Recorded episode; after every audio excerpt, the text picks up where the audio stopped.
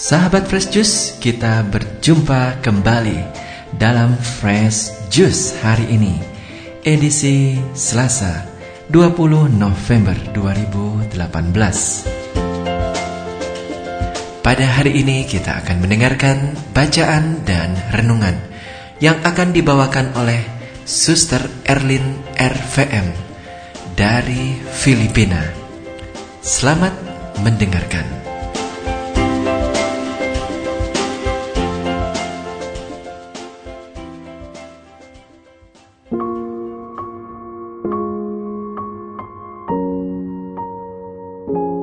Selamat pagi sahabat Fresh Juice. Kita berjumpa kembali dalam Renungan Fresh Juice hari ini Selasa 20 November 2018 Mari kita membuka diri, menyiapkan hati untuk mendengarkan firman Tuhan. Kita membiarkan roh Allah berkarya di dalam diri kita masing-masing. Dalam nama Bapa dan Putra dan Roh Kudus. Amin. Bacaan hari ini diambil dari Injil Lukas bab 19 ayat 1 sampai 10. Yesus masuk ke kota Yeriko dan berjalan terus melintasi kota itu. Di situ ada seorang bernama Sakeus, kepala pemungut cukai, dan ia seorang yang kaya. Ia berusaha untuk melihat orang apakah Yesus itu, tetapi ia tidak berhasil karena orang banyak, sebab badannya pendek. Maka berlarilah ia mendahului orang banyak, lalu memanjat pohon ara untuk melihat Yesus yang akan lewat di situ. Ketika Yesus sampai ke tempat itu, ia melihat ke atas dan berkata, Sakeus, segeralah turun, sebab hari ini aku harus menumpang di rumahmu. Lalu Zakheus segera turun dan menerima Yesus dengan sukacita. Tetapi semua orang yang melihat hal itu bersungut-sungut, katanya, ia menumpang di rumah orang berdosa. Tetapi Zakheus berdiri dan berkata kepada Tuhan, Tuhan, setengah dari milikku akan kuberikan kepada orang miskin, dan sekiranya ada sesuatu yang kuperas dari seseorang, akan kukembalikan empat kali lipat. Kata Yesus kepadanya, "Hari ini telah terjadi keselamatan kepada rumah ini, karena orang ini pun anak Abraham. Sebab Anak Manusia datang untuk mencari dan menyelamatkan yang hilang."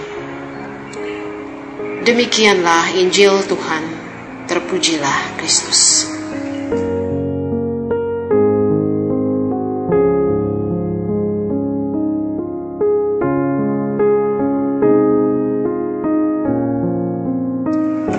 Saudara-saudariku yang terkasih dalam Kristus, dalam bacaan Injil yang baru saja kita dengar, jelas sekali bahwa Zakheus memiliki keterbatasan. Secara fisik ia bertubuh pendek. Ia juga manusia biasa seperti kita yang tidak luput dari dosa. Sekalipun ia seorang yang kaya secara material. Satu hal yang menarik adalah ia tidak pernah putus asa dan tidak menyerah untuk bisa mendapatkan sesuatu sesuai dengan dorongan hati nuraninya. Keterbatasan yang ia miliki tidak menjadi penghalang atau ia jadikan alasan untuk tidak mencari dan bertemu Tuhan. Barangkali ia akhirnya menyadari bahwa semua kekayaan yang ia miliki sebagai seorang pemungut cukai tidak membuat ia benar-benar bahagia. Maka ia pun mulai mencari sesuatu sesuai dorongan hati nuraninya. Sebuah harta yang paling mulia yang tidak bisa diperoleh dengan uang. Sahabat-sahabat Fresh Juice, lalu bagaimana dengan kita? Apakah kita juga punya keterbatasan tertentu dalam diri yang kadang masih menghalangi kita untuk datang bertemu Tuhan, ataupun yang membatasi Tuhan untuk masuk dalam hidup kita. Saya yakin kita semua memiliki keterbatasan-keterbatasan tertentu. Barangkali kita kadang malas atau mencari-cari alasan untuk tidak berdoa atau tidak ikut perayaan misa. Atau juga mungkin kita sering tidak sabar dalam berdoa. Kita memaksa Tuhan untuk segera menjawab setiap doa kita. Atau kita putus asa karena kita berpikir Tuhan tidak menjawab setiap doa kita. Bisa juga keterbatasan kita nampak dalam sebuah manifestasi dari rasa bersalah dan rasa tak pantas yang berlebihan. Merasa kasihan diri yang berlebihan. Kita merasa sebagai orang yang paling berdosa, yang seharusnya tidak layak berhadapan dengan Tuhan.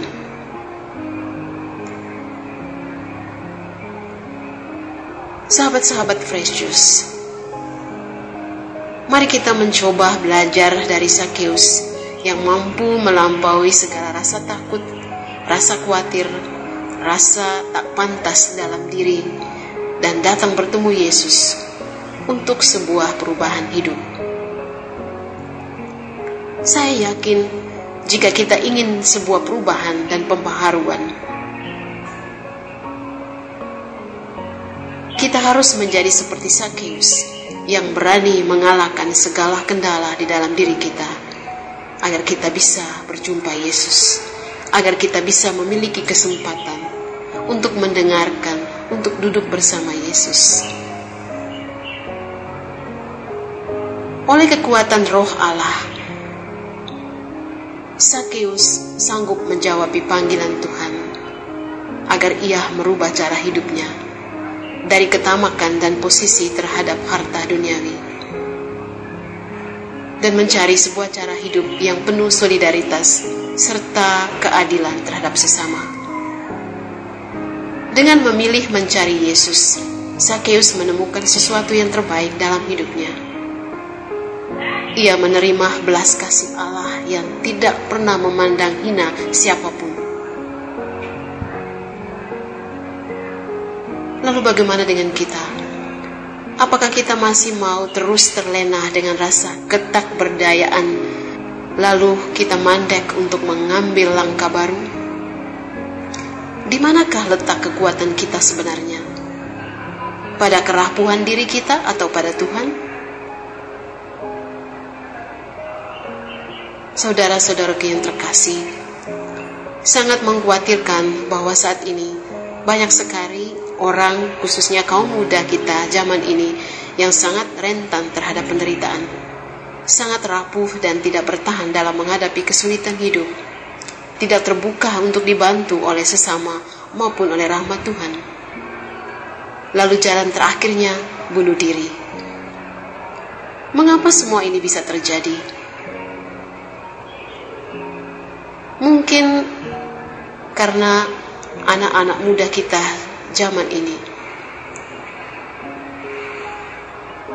Terutama mereka yang sangat mudah depresi atau mengalami stres, tidak terbiasa mandiri dan tidak terbiasa memikul salib kehidupan.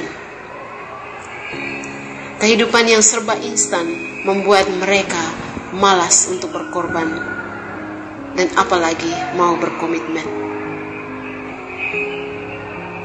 Saya mengambil satu contoh di kota Davao di mana saya saat ini berada. Setiap tahun pasti ada mahasiswa yang bunuh diri dan alasan yang paling umum adalah depresi. Depresi kalau bukan karena masalah keluarga, pasti karena putus cinta.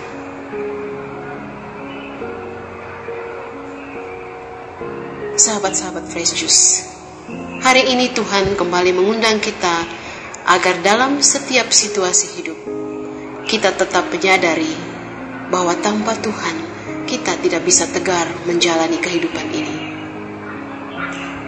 Seorang yang tidak percaya Tuhan, sekalipun tidak percaya, pasti tetap mengalami kasih dan berkat Tuhan dalam hidupnya.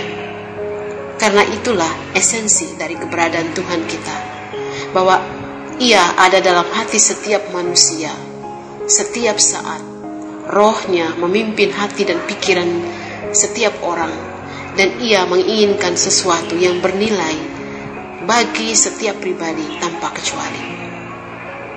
Semoga kita tetap membuka diri untuk disentuh oleh rahmat dan berkat Tuhan. Kita tetap membuka pintu dan rumah hati kita bagi Yesus sambil berkata, Datanglah ya Tuhan, kunjungi dan tinggallah di rumah hati kami. Makanlah bersama kami dan limpahkan kasih serta berkat yang kami butuhkan hari ini, esok, dan seterusnya. Amin. Selamat pagi saudara-saudari. Tuhan memberkati. Sahabat Fresh Juice, kita baru saja mendengarkan Fresh Juice Selasa 20 November 2018. Segenap tim Fresh Juice mengucapkan terima kasih kepada Suster Erlin untuk renungannya pada hari ini. Sampai berjumpa kembali dalam Fresh Juice edisi selanjutnya. Tetap bersuka cita dan salam Fresh Juice.